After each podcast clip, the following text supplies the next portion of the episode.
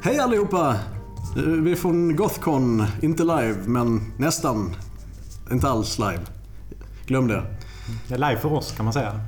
Vi upplever det här live. Vi upplever detta i realtid. Det det är någon som får uppleva det här live och det är vi. Välkomna till Rollspelsfika.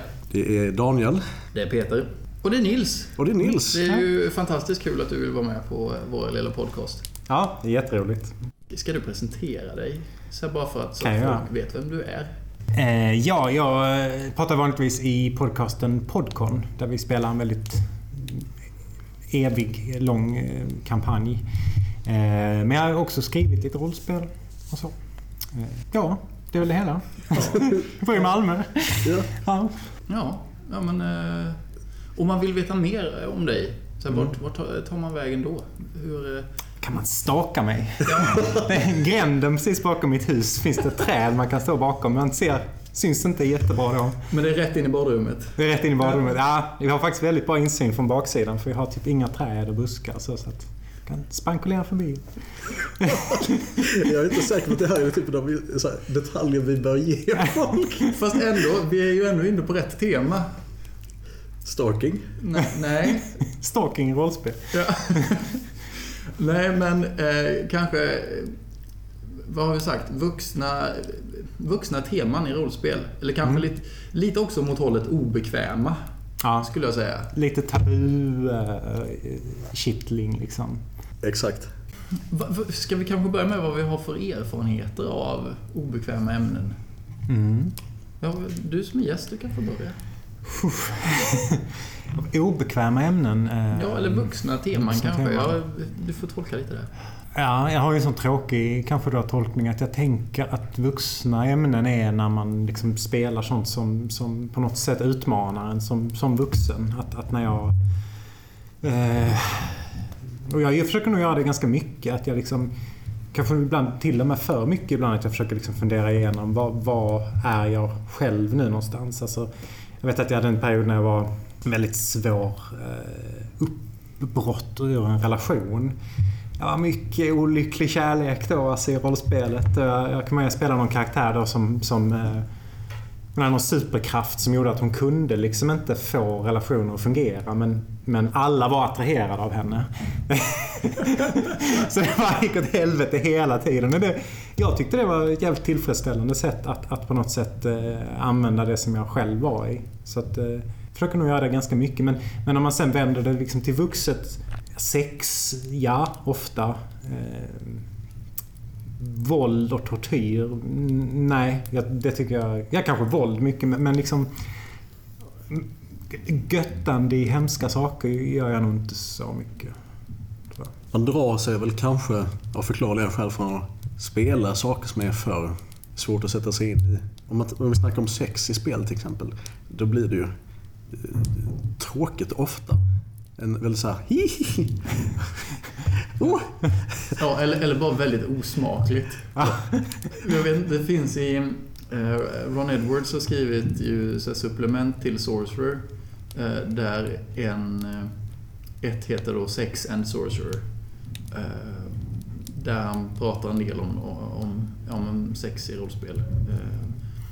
Och där är det då ett, ett exempel där som är väldigt grafiskt beskrivet liksom hur två stycken har sex mot en container i en gränd typ. Och så bara, först då så tar han så bara ett exempel att ja, vi går in och har sex i gränden. Mm. Eh, Och sen är det färdigt med det liksom. Eh, Och sen så har han då andra exemplet som är väldigt då väl beskrivet. Och sen så tar han upp så här bara, ja okej, det andra exemplet det kanske, eh, kanske inte händer så ofta, men tänk om det skulle hända då. Så här, vad, vad gör det med spelgruppen? Men å andra sidan, varför, gör, varför skulle man vilja beskriva saker och ting väldigt eh, gra- grafiskt? Ja, där, där tycker jag det blir obekvämt. Ja. Alltså när man hamnar där. Ja. Eh, och det känns som man känner det direkt också. Så, oh, nu blev det lite för långt här liksom. Eh, och det, och det, det kan man också fundera på. Bör man utmana sig? Jag, jag tycker inte det. Jag vill inte utmana mig och spela grafiska sexscener för att det är, är liksom jobbigt och kittlande. Men man skulle kunna fundera på det kring vuxna teman. Är, är det att pusha sig på något sätt in i områden som är, som är svåra att vara i? Ja.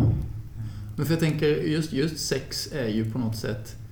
Det är ju någonting som är eh, alltså reserverat för vuxna. Mm. Så att det är ju aldrig det förekommer i barnrollspel om man spelar barn. Det gör det ju inte.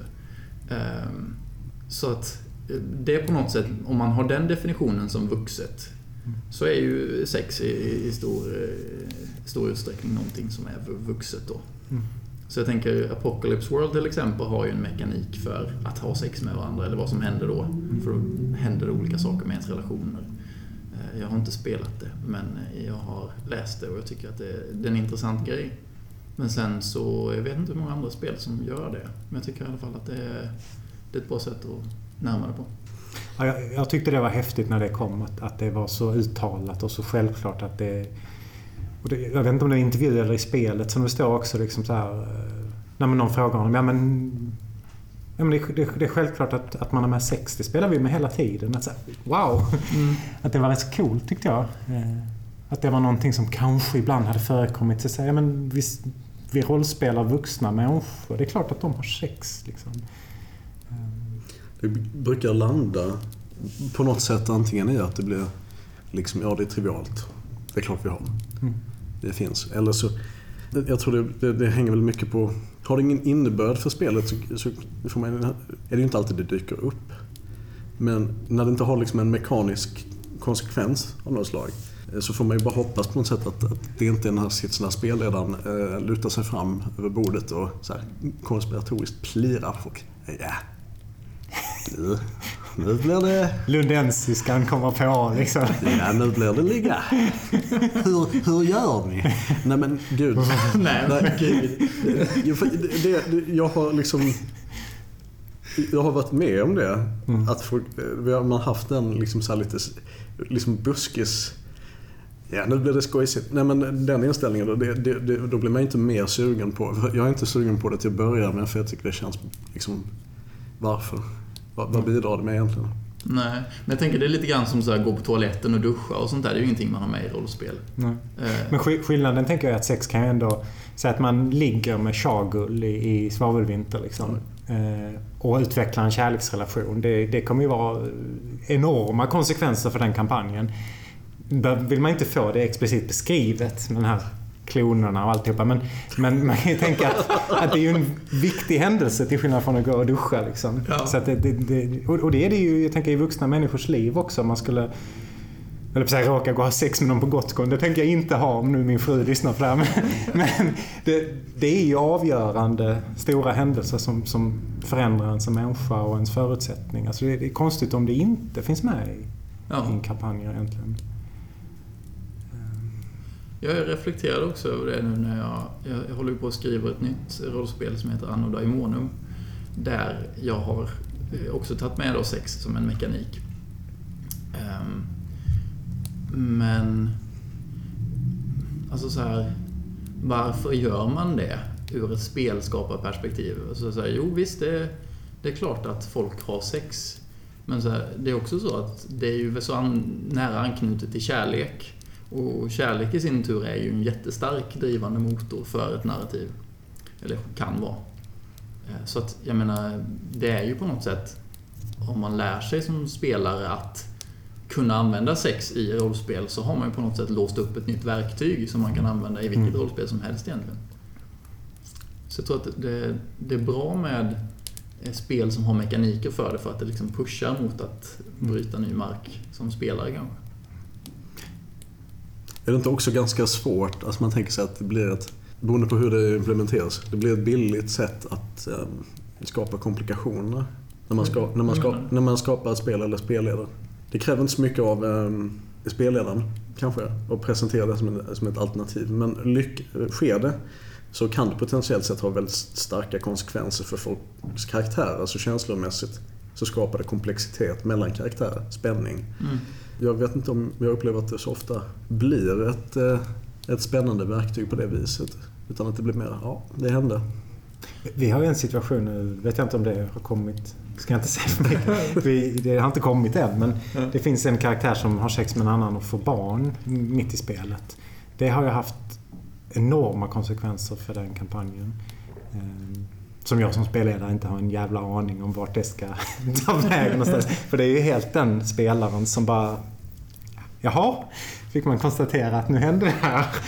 Men, eh, men det är nog sällan det blir så att, som du säger, att det, att, att det kanske har så stor effekt på berättelsen ändå. Eh, men så enkelt tänker jag inte att det nödvändigtvis är att, att, att det är ett så enkelt verktyg. Och, eller hur menar du med det? Att det är ett enkelt... Eh, eh, Nej, alltså em, som, som ett narrativt grepp menar jag. Det kan te sig som ett ekonomiskt sätt att få in eh, dramatik i en situation eller i- i en story.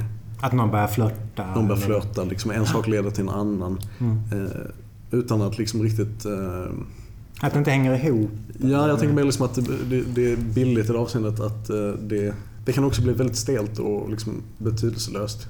Eh, om man inte liksom gör någon form av regel allowance för att man har sex och att det har någon inverkan. jag. När jag, jag säger billigt så tror jag jag menar att det kan, det kan verka vara ett snabb, en snabb fix. Liksom. Att om det inte händer så mycket, låt karaktärerna, eller pusha på att något ska hända, något smaskigt. Liksom. Lite som att slänga in ninjas som attackerar. Liksom att, att man försöker... Mm.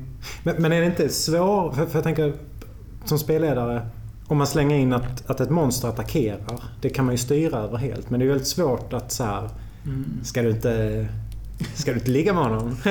alltså, det kräver ju mycket mer samarbete med spelaren, att den liksom nappar en... en, en eh, Jo, jag tror att det, det är svårt att få det att bli bra. Och det är därför jag eh, också har liksom en bild av det. Att, att det kan miss, missanvänds.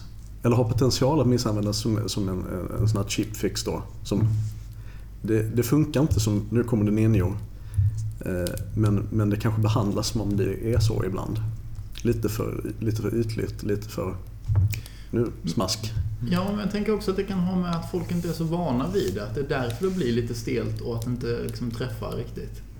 För jag, jag ser det ju också lite grann ur ett, ska man säga, ett pedagogiskt pers- perspektiv. Alltså så här, det, jag tycker det är väldigt intressant att se hur närmar sig den här karaktären en situation som kan leda till en, en sexuell interaktion. mm. Eh, För att man måste ta sig an det på precis samma sätt som i verkligheten på något sätt. Alltså för att man vet inte ifall den som man då flörtar med kommer att vara positivt inställd till det eller inte. Så att man måste ändå på något sätt levla och känna in den andra. Alltså så här, som jag tycker är en skitspännande interaktion. Eh, Och det är ju också ganska göttigt att kunna göra det eh, så här i, en väldigt socialt trygg situation. Där det får inga konsekvenser ifall jag liksom, om jag verkar framfusig. Det är ingen som tar illa upp. Nej. Eh, Och sådär. För det, för det tycker jag man märker när man väl gör det. Att, att det är ett väldigt känsligt ämne. Alltså att man behöver ha den tryggheten i gruppen. Alltså att, I alla fall blir jag så att så fort man kommer in på sådana områden så börjar man... Tänk, vad tänker folk om mig? Vad gör jag nu? Vad, vad verkar det som att jag går igång på här? Vad, uh, är jag en manschauvinist? Alltså all, allt det kommer så liksom så fort man går in och, och kliver i det området. Så jag tror att trygghet är nog väldigt centralt. Ja. Ja. Ja, här- just den här spänningen som uppstår också. Det, jag vet inte om det är för att vi spelar in. Men, men det är just det när man, när man har kvinnor i spelgruppen. Så, som jag inte är jättevan vid att ha. Jag hoppas nu på att vi ska få ihop en, en spelgrupp med ett par kvinnor i, i Ljungby nu så att jag kan eh, se hur det känns. För jag tror att, ja, lite så som Ron Edwards skrev där, att ifall det nu är en kvinna som är där, hur, är det lika, är det lika självklart att man har en sexscen då? För jag upplever ju att när man sitter fyra killar och, och spelar, då är det väldigt så här det är ingen som misstar alltså att jag skulle flörta på riktigt eller så. Hela den aspekten, den finns inte med där. Nej. Så på det sättet så är det ju, tycker jag det känns väldigt tryggt. Mm. Då kan man ta ut svängarna, lite så som vi har gjort. Du och jag och Fredrik i den här, när vi har spelat Anno Daimonen. Ja, just det. Eh, Det tycker jag vi liksom har närmat oss det. Och det har inte känts obekvämt. Men jag tror att hade man då haft kvinnor med i spelgruppen som man då kanske inte känner jättebra. Så då är det ju... Eller om man inte... Man kan ju tänka att skulle kunna spela med bisexuella eller heterosexuella Ja, absolut. som man inte känner. Liksom, Mm. att det finns... Absolut, det, det, det, där blöder du igenom liksom, frågan. Vad, vad, vad sysslar vi med? Liksom, vad, Ja. Jag tror om, om, om det är något tillfälle var såna här eh, för- fördomar och eh, alltså förutfattade meningar och eh, Eh, sociala koder lyser igenom så blir det ju en, en den här typen av intim scen.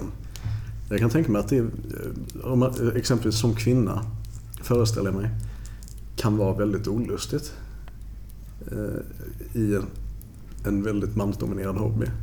Att det, det är lätt att gränserna hos de manliga spelarna antagligen det suddas ut lite. Och eh, det kan, kan nog väldigt lätt bli obehagligt att spela. Det får man ju tänka på. Liksom att det, det, Jag tänker att det, det kanske inte måste vara bara att man är kvinna, men jag tänker att, att om man är ny och kommer utifrån, oavsett om det är ett gäng tjejer som spelar och det kommer in en kille eller tvärtom, att, att, att det är upplagt för någon slags...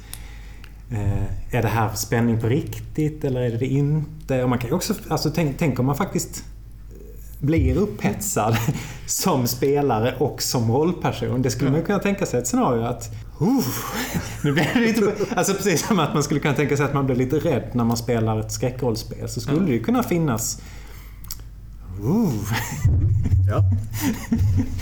det, det är kanske ingenting man liksom säger efteråt. Så här, Fan, jag var lite tänd på det där.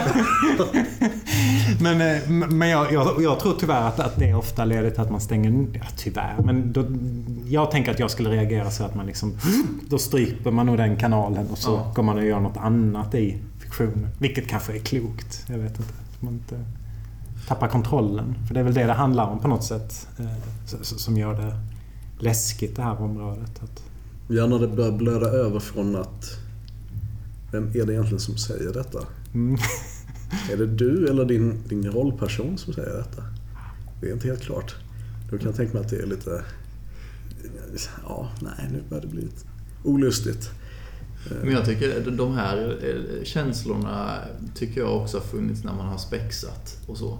Om man hade en, en romantisk scen i spexet så det lämnade ju inte dem oberörda på något sätt. Alltså det, det märks ju att man har haft den Mm. intima kontakten med varandra.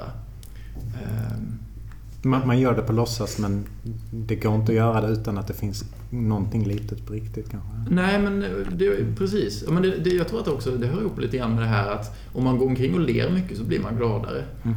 För att, ja, jag vet inte, man lurar hjärnan på något vis. Mm. Eh, Men så ifall man har då en väldigt nära relation med någon på scenen så blöder det också över till att ja, man, man spenderar ju för sig mycket tid med varandra också när man repar och sådär. Och det skapar ju kontakter.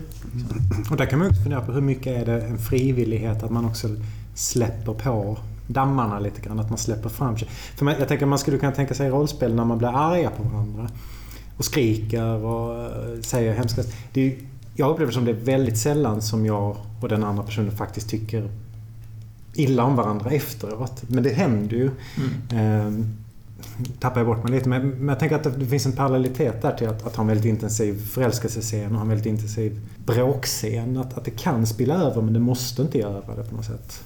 Jag tror att kanske att det är ännu mer, eller så som det jag själv har känt det när man har spelat eh, brädspel.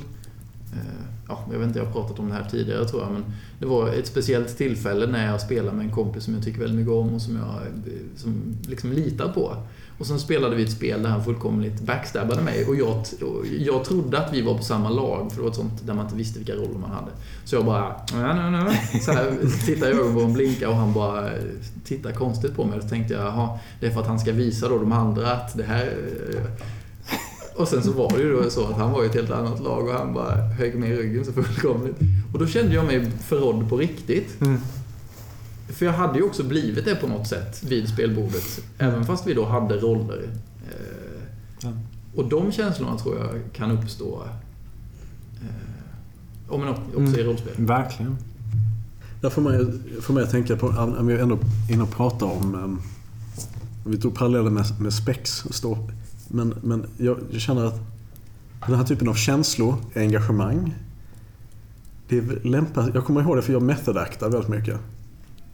Det är typ samma sak i rollspel. När jag inte kan känna in mig in i karaktären och bete mig som personen frågar så har jag svårt att gestalta en, person, en karaktär bra. Eh, vilket uh, Så, så om du ska ha en rökande person så vill du ha en cigarett i munnen? Props är jättebra. Ja, okej. Men, men där, i det, när man är i det, i det spacet så blir det ju jättelätt att man... Ja, det är som jag känner de här känslorna. Jag blir utsatt för de här grejerna. Jag tror det, då är det kanske extra svårt att, att, att liksom så här, hålla känslorna separerade från varandra. För de är din ingång in i karaktären. Så Precis. om du skulle inte känna dem så kan du inte riktigt spela. Jag kan inte, nej, det är svårt att relatera.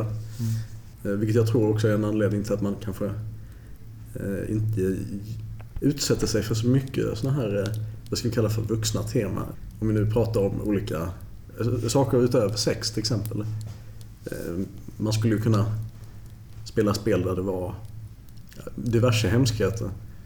Och man vet om att det skulle vara svårt att närma sig dem när man spelar.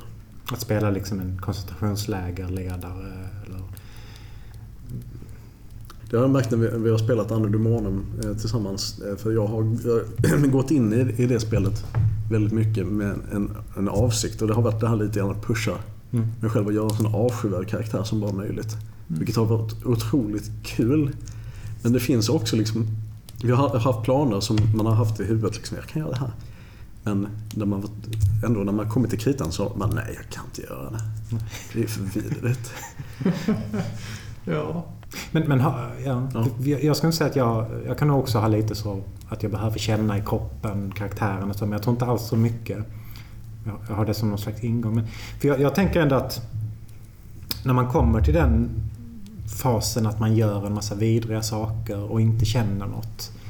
Där blir jag rätt ointresserad. Så här, jag hugger av dem huvudet. Jag torterar honom. Jag hänger upp honom på krok. Alltså, Mm. om man ska prata om vuxna teman. Det, för mig är det ett ganska barnsligt land man lever i då. Om man, om, om, om, alltså att leka med den typen Mm. av saker. Om man inte på något sätt har faktiskt spelat sig dit där det, där, där det känns... Ja, men det, är, det är liksom rimliga handlingar som den här personen gör. Ehm, Men som kan ju te sig vu- vuxet. På något sätt. Ja, men det är vi lite inne på liksom def- definitionen av vuxet också. För det var ju en tråd på rollspel.nu där det var någon som frågade efter eh, vilket är det mest vuxna rollspelet. Eh, och det var ju... eh, visade sig ju att det var ju inte lätt att förklara vad det betydde. Mm. Vad är ett vuxet rollspel? Eh, Så Apocalypse World, alltså så med, med, med mekaniker för sex var ju en av de grejerna som de tog upp. Men det är som du säger att det här med att bara liksom götta sig i våld och, och misär, det blir ju nästan barnsligt Mm. istället. För det tyckte man ju var jättespännande när man gick på högstadiet. Alltså då, och då kanske ännu yngre egentligen. Alltså, eh, kommer den här, vad fan heter han som kommer i folks drömmar? Freddy, Freddy Krueger hette han va? Ja.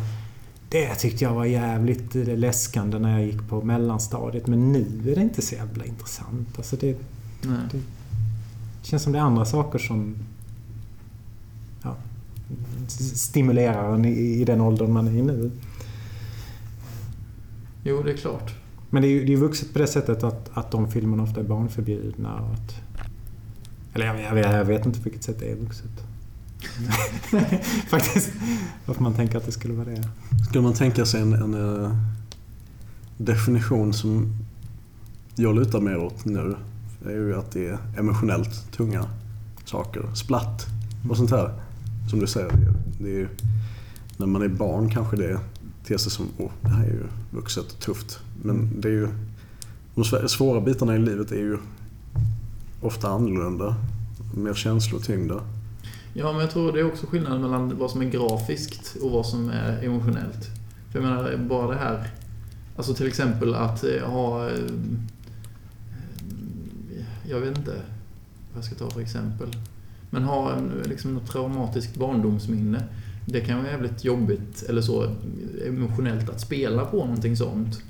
Ehm, men det är inte särskilt grafiskt. Så det, jag tror att det är det när man liksom, när blodet som flyger börjar bli liksom det som är den stora saken man ser. Så får liksom känslorna trängas undan lite grann. Kanske. Nej, men jag, tycker det, jag tycker det låter rimligt. Alltså, det, är det är väl lite mer av det, det sånt man vill eh, utforska nu. Känner jag liksom att man vill, ja. Men på något sätt effekter utan känsla. Mm. Men parentes. Jag tänker, så kan man också fråga sig varför man spelar rollspel. Det är den stora frågan. Men, men jag tänker... Jag tror många jag har spelat med, de- de skulle säga varför skulle jag vilja göra det? Varför skulle jag vilja prata om mitt barndomstrauma? Varför skulle jag vilja spela mina trasiga pissrelationer? De ska jag ju hålla på med hela tiden, resten av livet. Liksom. Nu vill jag fly verkligheten och döda orker. Liksom. Man, kan ju krysta till det hur mycket som helst och säga att det verkligen är vuxet. Att man lever det här inrutade, ganska monotona livet. Att få kasta sig in i en fantasyvärld är på något sätt Ja. vuxet. Men det är nog att dra det lite för långt. Men, men jag tror att det är nog inte en självklarhet att alla vill in i den typen av teman och vill spela sexscener och vill ha med rasism i spelet. Och, Nej, precis.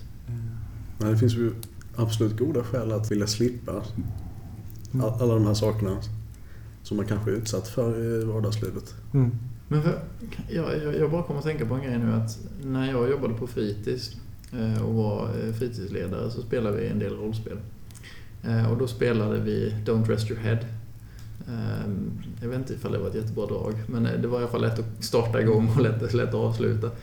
Eh, Men jag, jag minns det att det jag reflekterade över var att Alltså, barn idag är ju jättevana vid att, att, att skjuta ihjäl folk eh, och liksom hugga huvudet av orker och alltså så som det är i många spel. Men när man sen kommer in i ett rollspel då så tyckte jag det var väldigt svårt Mm. som liksom vuxen att vara ansvarig för eh, eventuellt att då, då deras, eh, de här barnen har ihjäl någon i, i det här spelet. För att det var inte ett spel där det var fokuset. Alltså, jag tror att det kanske är det som är en grej också. Att, Alltså att de gjorde saker som du satt som spelledare och kände så här, "Uff, vad håller ni på med nu? Att de hade ihjäl folk i Nej, spelet? det var, ja, men det var mer att, att så här var det. De, var, det var, de hade själva eh, velat ha en, en berättelse där det var terrorister som de skulle kämpa mot. Eller där det var en som var soldat och som då bekämpade terrorister. Och, och det var i, i det sammanhanget då när han, när, när han skulle ta sig ur han var, han var en fånge. Han blev fångad av terroristerna och sen så skulle han då ta sig fri där. Och då sköt han ner en massa folk. Och, och, och det var liksom en sån här grej som att det var, det var helt och hållet han som hade infogat det i sin berättelse. Och, och det, det är mycket det här också med när man leker att det är många som, som säger att eh, barnen ska inte leka krig, det blir bara, det är bara dåligt. Och sen finns det andra som menar att det är ett sätt att bearbeta allting Mm. som händer i, i Ja men också som när vissa barn leker tiggare till exempel. Det är ett sätt att bearbeta den verkligheten som de lever i och det de Mm. hör och saker och ting de funderar på. Och jag tänker att det kan inte vara dåligt att de gör det. Ehm, Så därför så, jag vill ju heller inte strypa det när, när han själv kommer med de här idéerna. Men sen så, det är svårt på något sätt också att problematisera det. Så för det gäller ju då att man skapar följder för, för honom. Så att han Mm. ser på något sätt konsekvenserna av det som har hänt. Men det, det är bara mig inte så jäkla lätt. Insåg jag. Jag tänker att det är också en fråga kring det här. Vad, vad, alltså, vad tänker vi passar barn? Alltså, det är väldigt intressant. Så, som du säger, barn leker ju skitmycket krig och död och så. Och sen så när vi ska göra barnrollspel. äh, Man kan inte dö. Nej. Man, ska, man, kan, man får inte slå varandra. Så bara, ja, vi precis varit ute här på rasten och dödat hundra indianer eller vad de nu har gjort. Jag vet inte, leker kanske inte cowboy-indian nu för tiden. Men, eh, men man kan också som vux- vuxen... Man vill inte se barns sadism eller våldsamhet eller sexualitet och de, de sidorna av det. Det är en fråga jag känner jag skulle inte våga svara på. Om man ska på något sätt bejaka det eller att det är bra att det finns Ja. rollspel som inte innehåller våld. Jag, jag lutar åt det sistnämnda. Jag tycker att det är jävligt bra att det görs spel som äventyr som är mer... Eh, så som man tänker att rollspel för barn ska vara. Eh, för att det finns så mycket våldsberättelser ändå i, i datorspel. Ja, men å andra sidan så är det ju på något sätt eh, det är det som jag tycker är det charmiga med rollspel också. Att det, det, är ju ett pedagogiskt tillfälle på något sätt. Alltså, jag menar, när jag spelar rollspel så lär jag ju mig saker och ting om hur det är att vara en annan person. Mm. Eller i alla fall små delar. Eh, och det tänker jag mig ger någon form av förståelse som det inte gör att spela eh, Call of Duty. Mm, absolut. Så, så därför så tänker jag mig att det finns ju också, likväl som att man vill visa upp att nej, man måste inte lösa allting med våld. Mm. Så tycker jag ändå att ha med det som ett koncept ger ju möjlighet i alla fall att reflektera kring det. Mm. Jag måste berätta en parentes. Okay. nej, men jag spelade med några, några vuxna som spelade för första gången på... Jag var läger på en... Ja, jobbade, sommarjobbare. Och det var i alla fall så att då testa, fick de testa rollspel och så var det orker och så var det, det första som hände var liksom strid och en av dem då skjuter en av orkarna med sin pilbåge. Och det första han gör sen är att han rusar fram och gör första hjälpen på den här orken. Och jag var helt såhär... Va? Jag visste inte alls hur jag skulle hantera det. Men det är egentligen ganska logiskt. Jag menar, är någon som skadat sig och ligger och håller på att förblöda. Det är klart att vi måste rädda livet på den här. Ja. Eh, men man är skadad i sitt eh, förhållningssätt. Eller skadad, men, men van. När man har spelat länge. Att kötta orkarna, så kommer man ta skatten. Och sen, man gör inte första hjälpen på dem. liksom. Det är väldigt sällan eh, ja. som det uppstår. Det är faktiskt intressant. Till skillnad från andra jag Nej, det, det är också... Nej, men, det var slog mig. Det tog 20 minuter, så äntligen har vi sagt något intressant. Det, det slog mig, eh, nej men bara att... Um, som det scenariot. När han springer fram och ska hjälpa. Det är också vuxet. Visst är det. Mm. Fast vi tänker kanske inte omedelbart att det, det här är en sån sak man gör. I rollspel så är det ofta liksom att skada någon annan är ju ganska enkelt egentligen. Mm. Ja, visst. Och vi problematiserar väl kanske inte så ofta att det är det. Att det är så enkelt.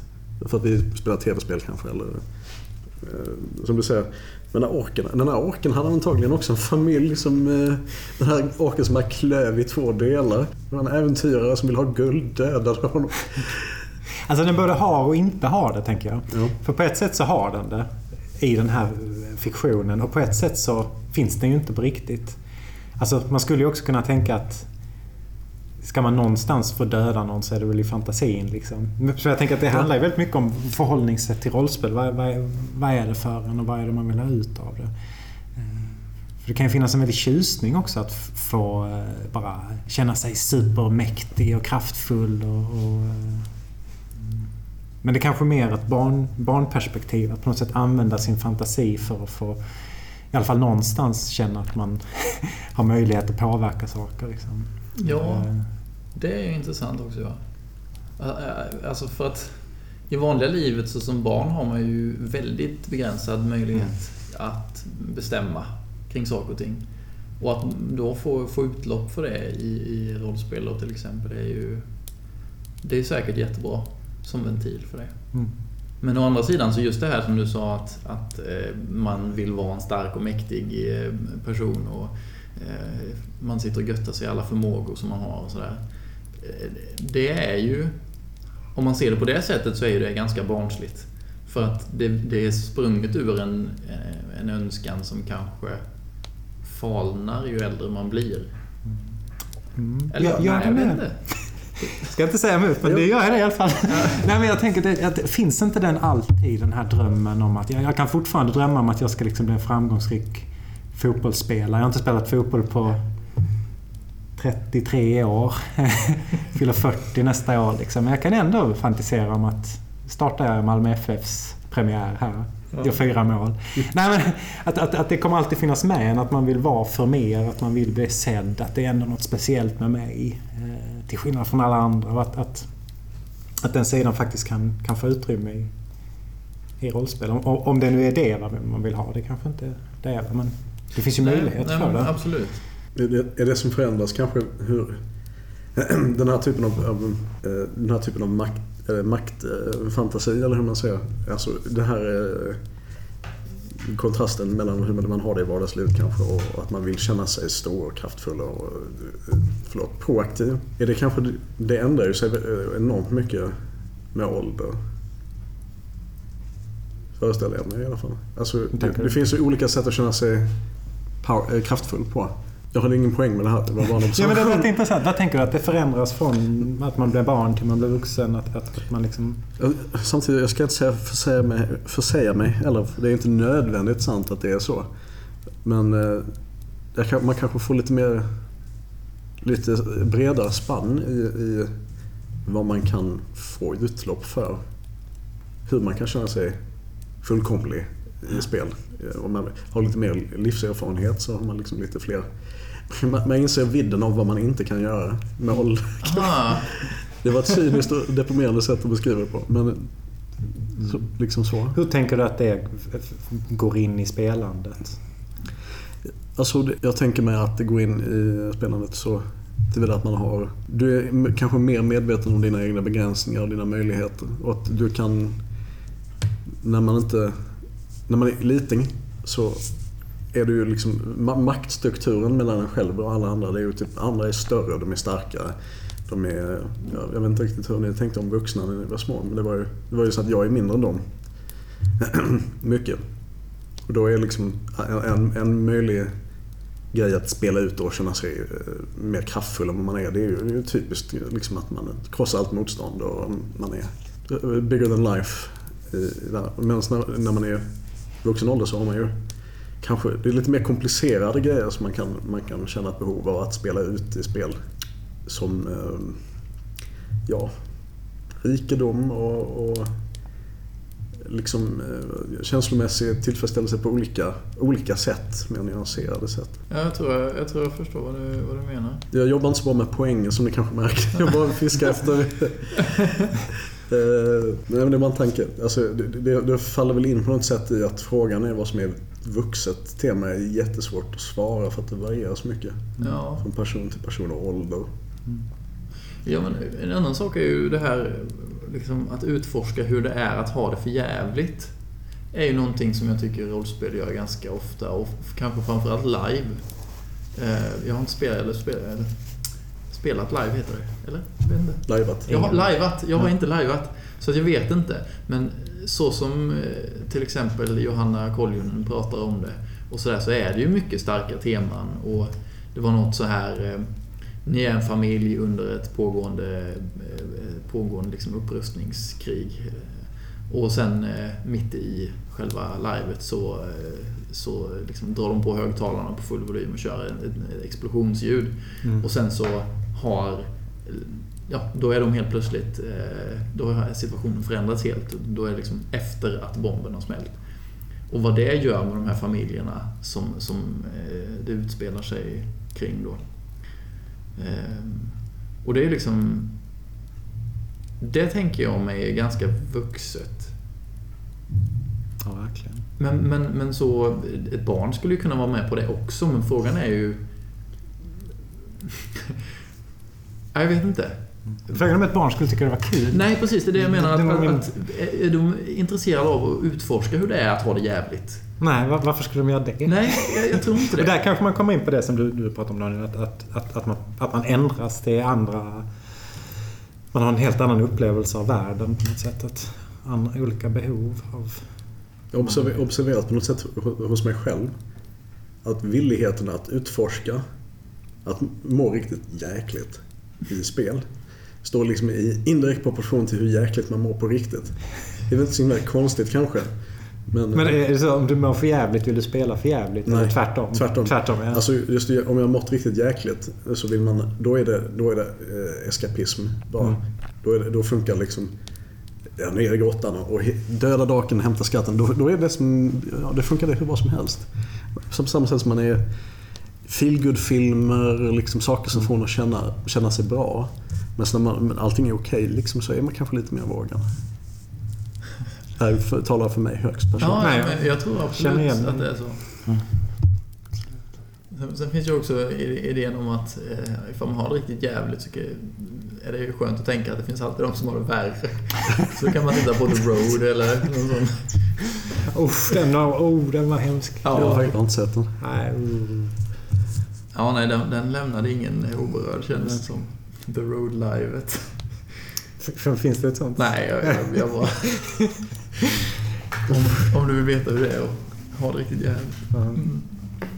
Men vi har spelat en hel del liksom Story Now där man, där man verkligen sådär gör, man skapar ehm, man skapar sina issues, sina problem och så. Som spelledarens roll är verkligen trycka på det och liksom ehm, ja, men sätta dit den mer eller mindre med bomber och skapa problem och så. Där, där kan jag känna lite det som vi pratade om i början. att där kan det blöda igenom för mig att, att nu, nu, nu får du fan ge mig någonting här. Nu blir det för jobbigt liksom. Nu, jag nästan kan dra mig för det ibland för att, att det blir sådär.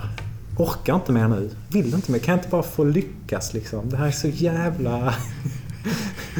att jag, jag hamnar nog lätt där. Eller lätt, men jag kan nog göra det ibland. Att, att, att nu, nu vill jag ha lite bra grejer också. Liksom. Jag orkar inte hur mycket som helst. Nej, så kan det vara. Känner alltså en emotionell trötthet Ja, inför att bara misslyckas hela tiden. ja. Ingen, ingen, ingen morot, bara piska. Mm. Och det har jag börjat påminna mig själv om när jag spelleder också. För att jag har på något sätt tänkt så här, desto mer problem desto bättre. Jag menar desto mer story har man ju. Mm. Men så har jag liksom kommit på fan det, det blir jävla jobbigt för många spelare. Det hade jag också tyckt var jättejobbigt. Att det, det bara fuckar upp dem hela, hela tiden. Ehm, till och med de spelare som pratar om det. Att när de så här spelar med mig. Det här är ett helvete. Helvete liksom. Så jag har fått tänka att man måste, man måste ge lite treats också. Liksom. Man kan inte bara... Jag tänkte, tänkte på ett annat tema i temat. Ja. Som vi pratade lite om innan. Vi, vi nämnde rasism. Eh, Ja. för jag tänkte att det skulle kunna vara kul att säga någonting om... Eh, Mm. Jag vet inte Nej, jag tänkte på det utifrån en, en situation som uppstod när vi, när vi spelade in eh, en inspelning med, på podcast. Liksom. Så spelade vi ju på 20-talet ur Call of Cthulhu och eh, träffade på en mörkhyad person. Och min karaktär säger n-ordet. Och alla bara oh, oh, Och jag själv också så oh fuck det här. Klipp, klipp, klipp. Shit liksom. Um, det ska man fundera på, skulle vi ha gjort det om... Alltså, för, för, för jag tänker en person på 20-talet i London som själv är vit och träffar en mörkhyad person tror jag skulle använda det ordet. För det... Kanske mina historiekunskaper är dåliga, men jag tänker mig att man gjorde det. Men där var en tydlig sån gräns som även jag kände att nej. Mm. här, här, det här funkar inte. Det blev väldigt vuxet. Ja. Jag är inte alls på Gothcon egentligen. Är bollhavet på McDonalds. Ja. Fyra cheeseburgare senare. Ja, men rasism är inte så lätt. Och det, och det tänker jag också för, för min del. Jag menar, jag har aldrig varit utsatt för rasism. Jag är inte...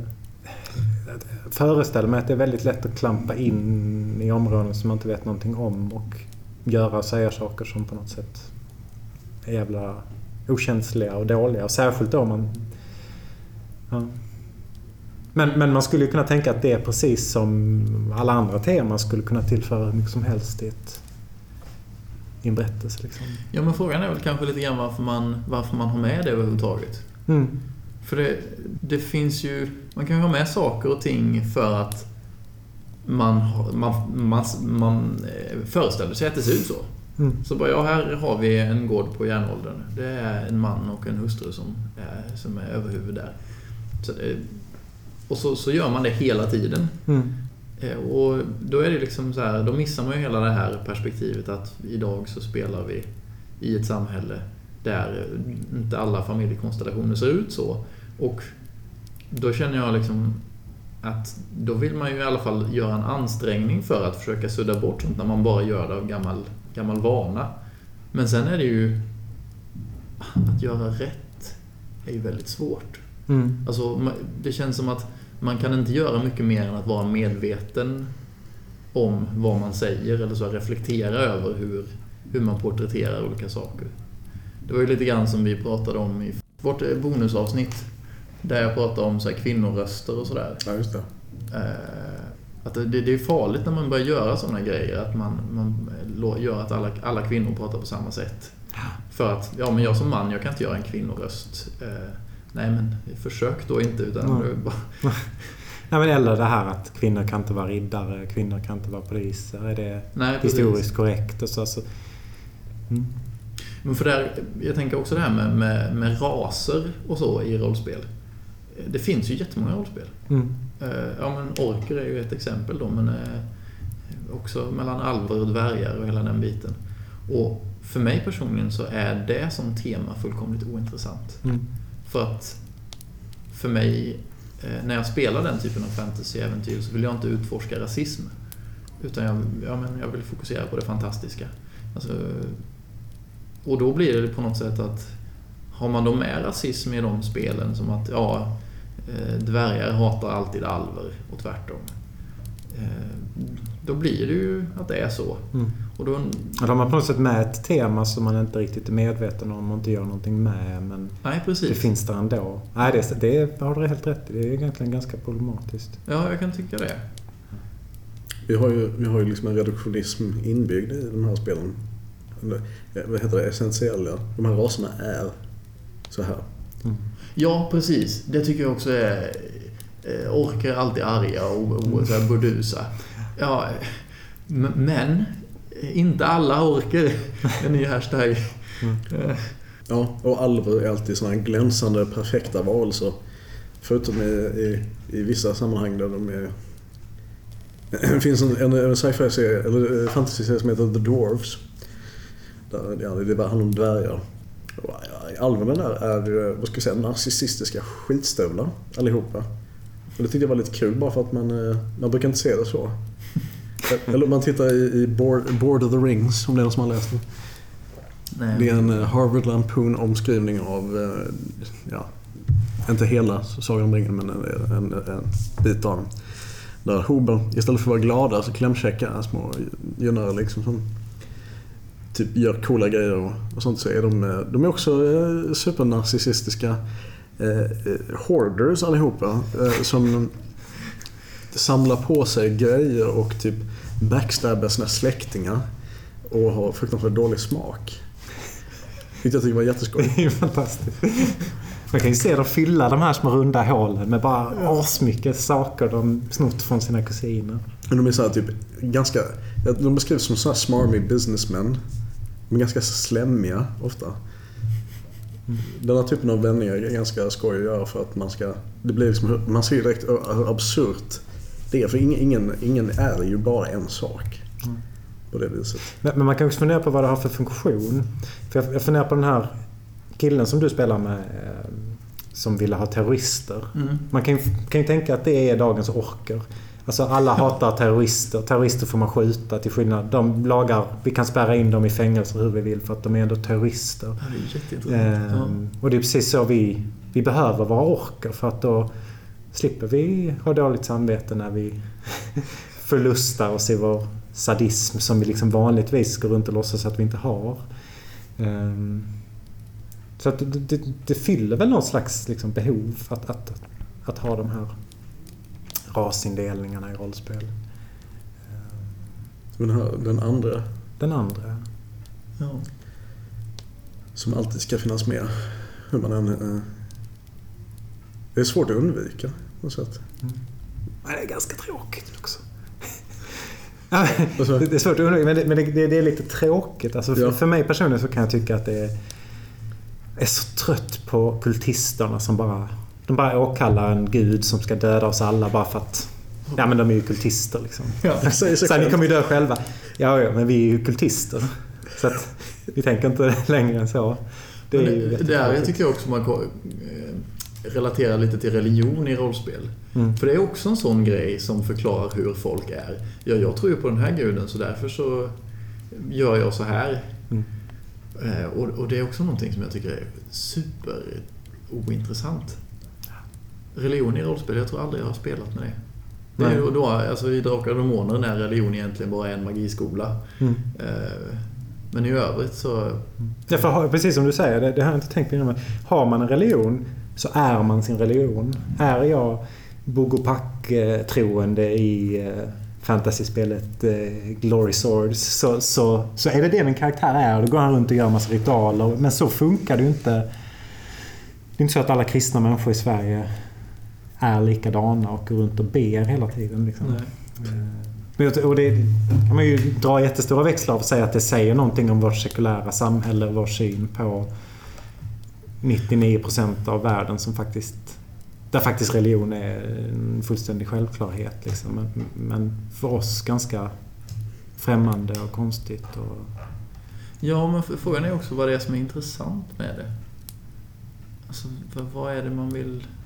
Vad är det man vill utforska i det? För jag menar, det är som, ja men lite grann som det här som att, att, att gå på toaletten och, och eh, hela de här grejerna. Alla de sakerna vi bara skippar i rollspel. Jag är också den som gärna inte har pengar i rollspel för jag tycker att jag har nog med liksom att micromanage min ekonomi i verkligheten. Mm. Jag tycker ekonomi är för mig bara liksom någonting som håller tillbaka ens möjligheter. Mm. Och i rollspel vill jag inte ha det. Mm.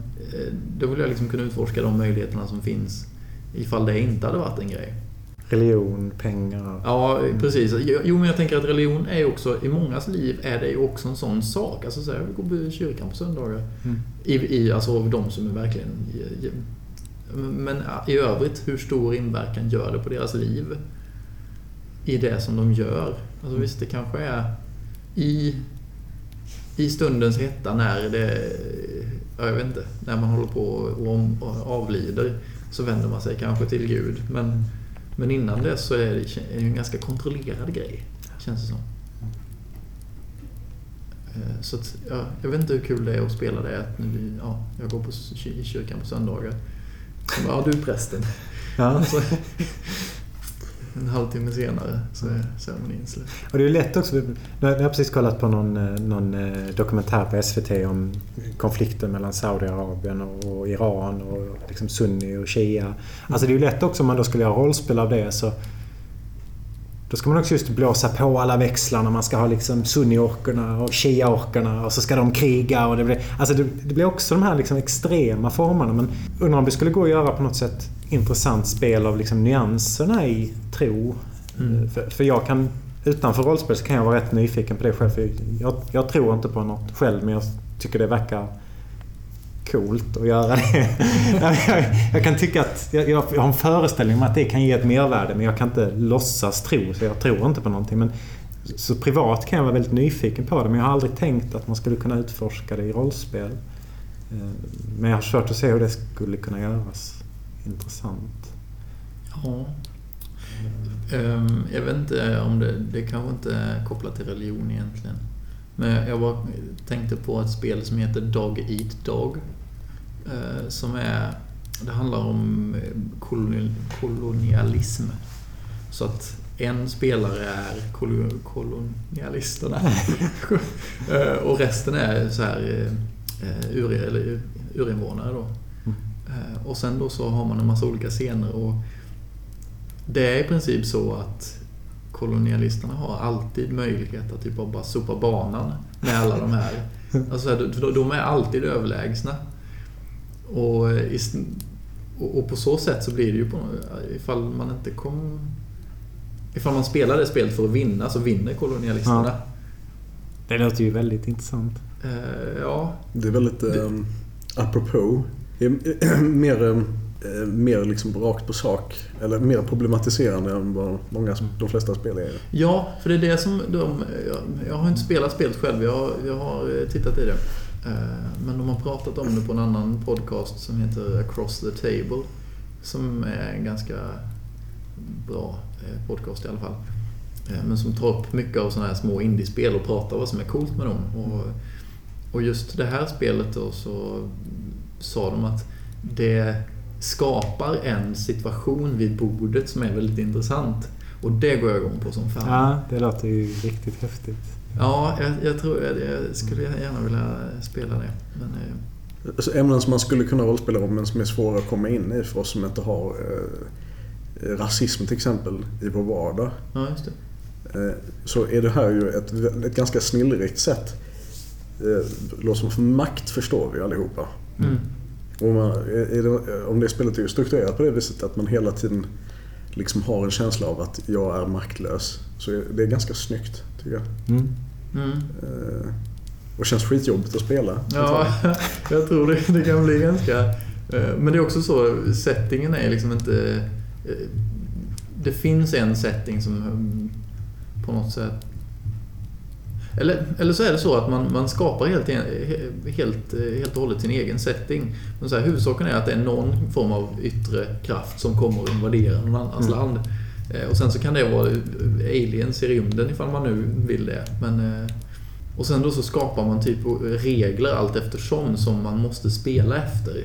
Och den första regeln som alltid är samma det är att de som invaderar är alltid överlägsna de som blir invaderade. Så ja, jag ser fram emot att spela det.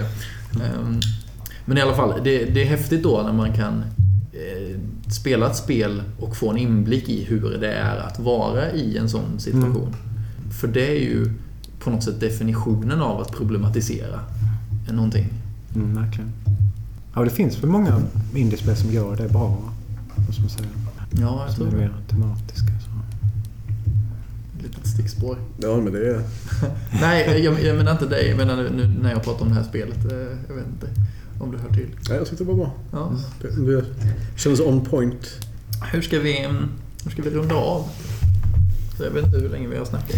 Känns som vi har... Nu är det en timme och sju minuter. Jag tycker vi har avhandlat väldigt mycket. Ja, det känns Mhm. som att... Sen finns det ju... Ja, det finns ju jätte... Man kan ju bryta ner det här i oändligheten och prata om. Men vi kanske ska prata om det också, det jag tänkte på. Jo, verktyg för, eh, för den här typen av lite jobbiga teman. Alltså så, för, för det är någonting som jag har blivit varse under tiden som jag har liksom läst på olika forum och sådär. Att det, det finns ju då olika eh, säkerhets eller trygghetsmekanismer. Eh, och det är någonting som kanske främst har vuxit fram ur livesammanhang då. Eh, Men där finns det ju till exempel att man skriker cut eller att man skriker break eller vad det nu Mm. är. Eh, Eller säger kanske man gör. Ja, men i alla fall så att när... Och det är ju liksom en säkerhetsaspekt. Om någon bryter benet så ska man kunna... Nu, nu, nu är det inte låtsas längre. Nu, Mm. nu måste vi klargöra att det här är på riktigt. Ehm, Men också de då som, har, som reagerar väldigt starkt på vissa ämnen. Alltså om, då, om det då till exempel är ja, barnmisshandel eller vad det nu kan vara. Om man har traumatiska upplevelser i, sin, Mm. i sitt förflutna så kan ju vissa teman som uppstår i kanske framförallt indie-rollspel där du inte bara är den här eskapismen att man ska döda orker utan man, man pratar om vad det, vad det egentligen är att vara människa i någon utsträckning. Då, då måste det finnas ett sätt för dem att säga ifrån att nu, det här, alltså, om det skapar obehag för de personerna. Och det är också lite så här ett... eh, Det är, jag, jag tänker ju, när man pratar om det här så är det ju också ett, en parallell är ju BDSM då. Mm. Som eh, var tidiga med att skapa liksom safe words eh, och sådär för att Ja men för att man ska kunna leka inom citationstecken på ett säkert sätt. Ehm, Och det är ju någonting som då har kommit mer och mer till rollspel och det är en av de grejerna som vissa använder är ju något som heter The X-card. Ehm, Som är då ett sätt att ja, I sin grundform så är det att det ligger ett kort mitt på bordet. Ifall det är så att vi börjar närma oss eller att du tycker att nu avbryter vi det här så eh, Mm. rör man vid det kortet. Och då ska det vara men också så här när man är på konvent, att man inte vet vilka de andra är, man vet inte vad de har för erfarenheter och man har inte tid att sitta och... Man vill kanske inte dela med sig av det, man vill inte säga att nej, jag tycker att, eh, jag tycker att barnmisshandel är, är ett jobbigt tema. Ehm, för då, ja, det är liksom personliga grejer. Ehm, och då ska man helt enkelt ha ett sätt att säga ifrån att det här vill jag inte vara med om. Ehm, och sen så då är det ingen som ställer några frågor kring det sen utan då, okej, då går vi vidare. Vart ska vi? Det är en jättebra metod. För den ger ju också frihet att trycka utåt mot gränserna. Mm. Och så vet man att alla har tillgång till, till nödbromsen så, så kan man också som spelare mycket mer... Då måste man i och för sig lita på att de faktiskt gör det. Ja, precis. För det är ju också det att om det här kortet då... Om, och det här har jag pratat nu på, på Story Games-forumet om en del med, med några där. Eh, för jag har ju använt eh, X-Card som en mekanik i, i Anno Daimonom. Men eh, har liksom utvecklat det lite, eller så här, försökt integrera det i systemet så att det inte bara blir att man ritar ett fult kryss på en lapp och lägger i mitten. Utan så här, försökt lägga lite extra tanke bakom. Och då har jag då tagit med att man kan använda det på andra sätt också. Alltså man har hela tiden nödbromsen. På, alltså om man, varje person har ett kort. Slänger man kortet i mitten då avbryter man allt som händer. Och sen så... Eh, det, är liksom, det är det sista stoppet. Mm. Men sen också att man bara kan visa upp det och säga att eh, kan vi inte ta det en annan väg? Mm. Och sen har den då också en baksida som är ett O. Jag vet inte varför det är ett O, men jag tog det här från någon annanstans för jag tänkte att det är bra ifall folk känner igen det. Eh, men att då det betyder att jag gillar det som händer nu. Eh, så här, fortsätt gärna. Mm. Och då, jag tycker att det verkar som ett bra upplägg. Jag har, alltså nu har jag inte speltestat jättemycket, men jag gillar i alla fall den här grejen att man avdramatiserar lite grann att använda det här kortet. För att om det nu ligger där i mitten och man vet att det här ska vi bara använda i nödfall. Mm. Så är det inte säkert att man använder det ens när det behövs. Mm. Eh. Men har man gjort det, använt o och använt andra sidan ett par gånger så är det Ja, och det är också, det är också liksom ett kommunikationsmedel på, på sätt och vis. Som, som att med, med O-sidan då så visar man ju vart man vill. Och också så här, om du och jag har en, eh, liksom en, en, en stark scen eh, där vi skriker på varandra så, så kanske, jag vill, kanske jag vill visa att jag tycker att det här är bra det vi pysslar med. Att jag, jag tar inte illa upp. Då kan man visa osidan då för att mm. liksom visa att jag fortsätter, jag gillar det här. Mm. Vi, vi, vi löper linan ut. Men också ehm, Också då att man inte behöver liksom dra i nödbromsen utan man kan bara bromsa lite grann. Alltså så här, eller byta väg lite grann. Så att i bästa fall kanske man aldrig behöver lägga det kortet i mitten. Eh, alltså som att man avbryter allt som händer för att man har tillräckligt mycket styra höger eller vänster för att man ska slippa liksom stanna och vända om. Mm. Eh, men jag tycker i alla fall det är intressant så att det finns ju verktyg att på något sätt eh, ta med de här svårare ämnena i sina rollspel. Mm. Um, Får jag säga en tanke om det? Ja, absolut. Nej, men jag tänker, för, för, för där, där, har man också olika... Man kan ju tänka att indiespelen är väldigt nischade tematiska. Många som söker sig till dem, de är där för att göra det. Liksom. Men man kan ju fundera på... Jag tänker, du, du berättade att, att, eh, att, att ni kör en svavelvinterkampanj. Där mm. kan man ju föreställa sig att det finns någon, känner jag inte dina spelare, men att det finns en spelare som tycker det är askul att så åh, du ger dig in här i de här farliga ämnena. Och någon som bara, men kom igen, kan vi fortsätta med berättelsen? Alltså hur man gör när man har de här diskrepanserna i gruppen. Att någon tycker det är kul och någon tycker det inte är kul. Och, jag har ingen fortsättning på det. Men, men, men där kan man fundera på hur signalerar man det? Är det möjligt att göra på det sättet att, att liksom försätta vissa rollpersoner i mer av den typen av situationer och andra inte? Tänker jag. jag tror hu huvudsaken är väl på något sätt att man får klart för sig vad det är som man tycker är intressant. Alltså för att ofta som spelledare så upplever jag att man, man snappar upp så här vilken om man nu har, jag vet inte. Det finns ju ingen så objektiv eh, spelartypsuppdelning och alla är inte, det är ingen som är en spelartyp. Men det är ändå så att man, man märker vissa beteenden hos sina spelare som, där man tycker att jaha, det är det här som den tycker är göttigt. Mm. Man kanske ler jävligt mycket när det är någonting visst som händer och sådär. Eh, och så lär man sig ju det.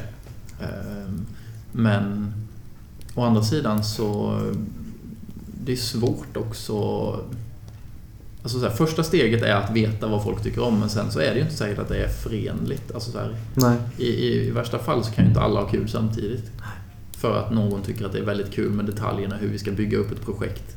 Medan som andra bara vill spela ut sina, på sina relationer och sådär. Jag har ett förslag på hur vi kan avsluta. ja.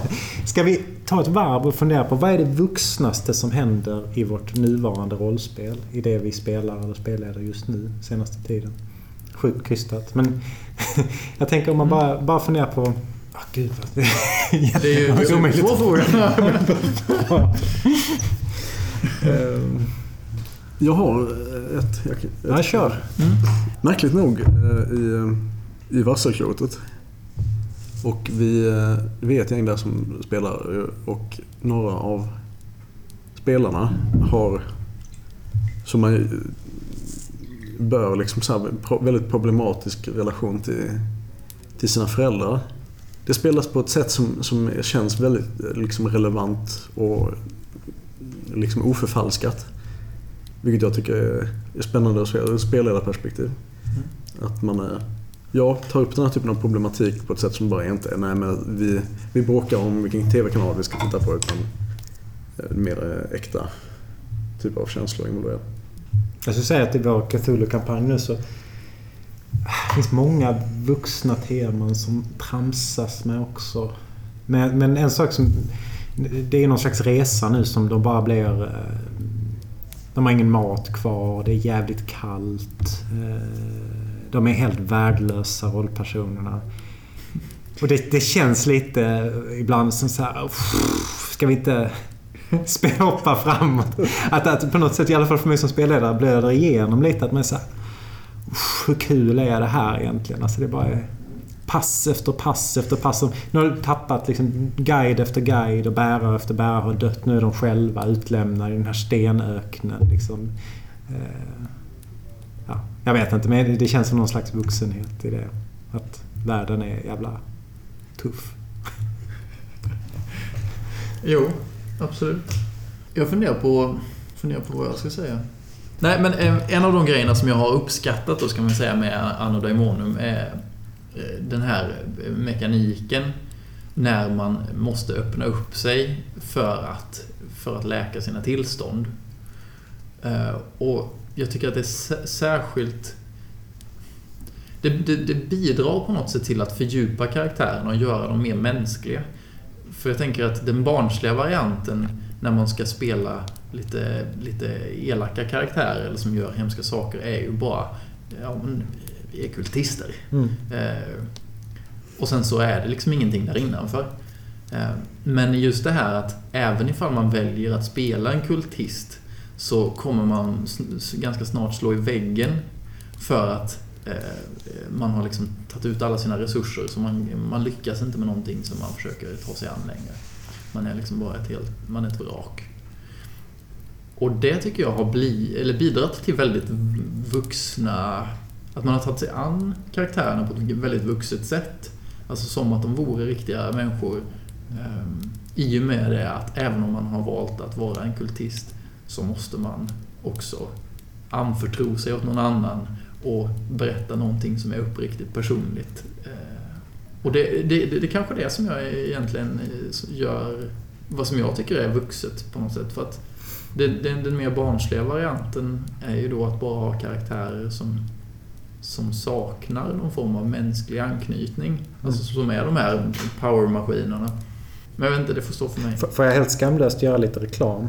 Så, så tänker jag att det var nog lite tanken med varselklotet också. Att, alltså att, därför jag blir så förvånad när folk säger att det är ett barnspel. Folk, det är det ju inte. Det är ju ett, har jag tänkt ett vuxenspel just för att det finns de här mekanismerna. För att läka sig så måste man öppna sig. Och man, måste, och man blir också... I, I originalreglerna så kunde man ju liksom skämmas och bli... Alltså det fanns alla de här mänskliga... Det blev, blev det lite för komplicerat liksom. Men att det, tanken var på ett sätt tvinga in spelare i, i områden som man inte var eh, så bekant med och som var mer, mer vuxna. Att jag tänker att den sårbarheten får man bara om man, om man, om man spelar barn. Inte om man spelar orkdödaren, kanan eller vad man nu heter. Ehm, så det, det, att skriva det var ett försök att, att, att, att föra in mer vuxna tema i någon slags barnslig dräkt. Slut på skamlös reklam. Ja, nej, jag vet inte ifall det... Jag vet inte om det är så skamlöst längre när det... Jag tänker att det gör ganska liten skillnad i den stora hela Ja. försäljningen av det spelet, den här podden. Ja, Jag vet inte. Eh, Så att det, det, det är helt lugnt. Ja, nej men eh, vi kan väl, vi kan väl eh, avrunda med att säga att vad som är ba- barnsligt eller vad som, vad som är vuxet, det beror kanske lite grann på hur man tar sig an. Mm. Som det så ofta blir så är det svårt att svara på.